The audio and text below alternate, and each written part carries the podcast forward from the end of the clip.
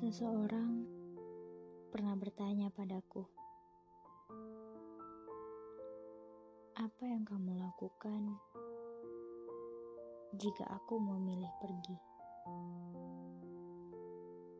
Apa kamu akan membenciku?"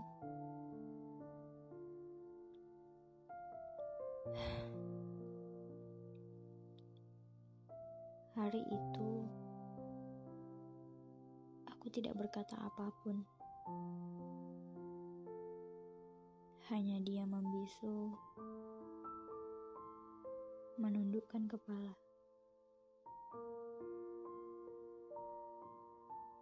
Berpaling memandangmu.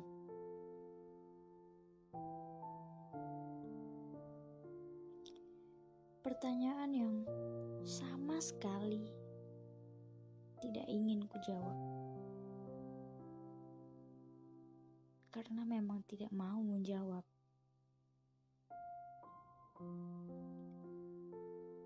Tapi hari itu kamu butuh jawaban. Maka dengan wajah sendu ku jawab.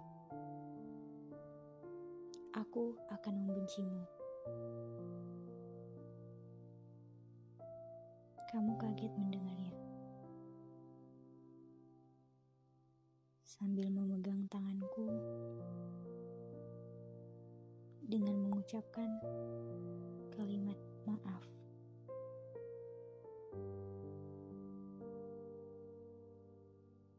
Sekarang aku mengerti arti dari kalimat itu. Sejujurnya, aku tidak bisa benar-benar membencimu. Bahkan berpaling darimu. Setelah apa yang terjadi?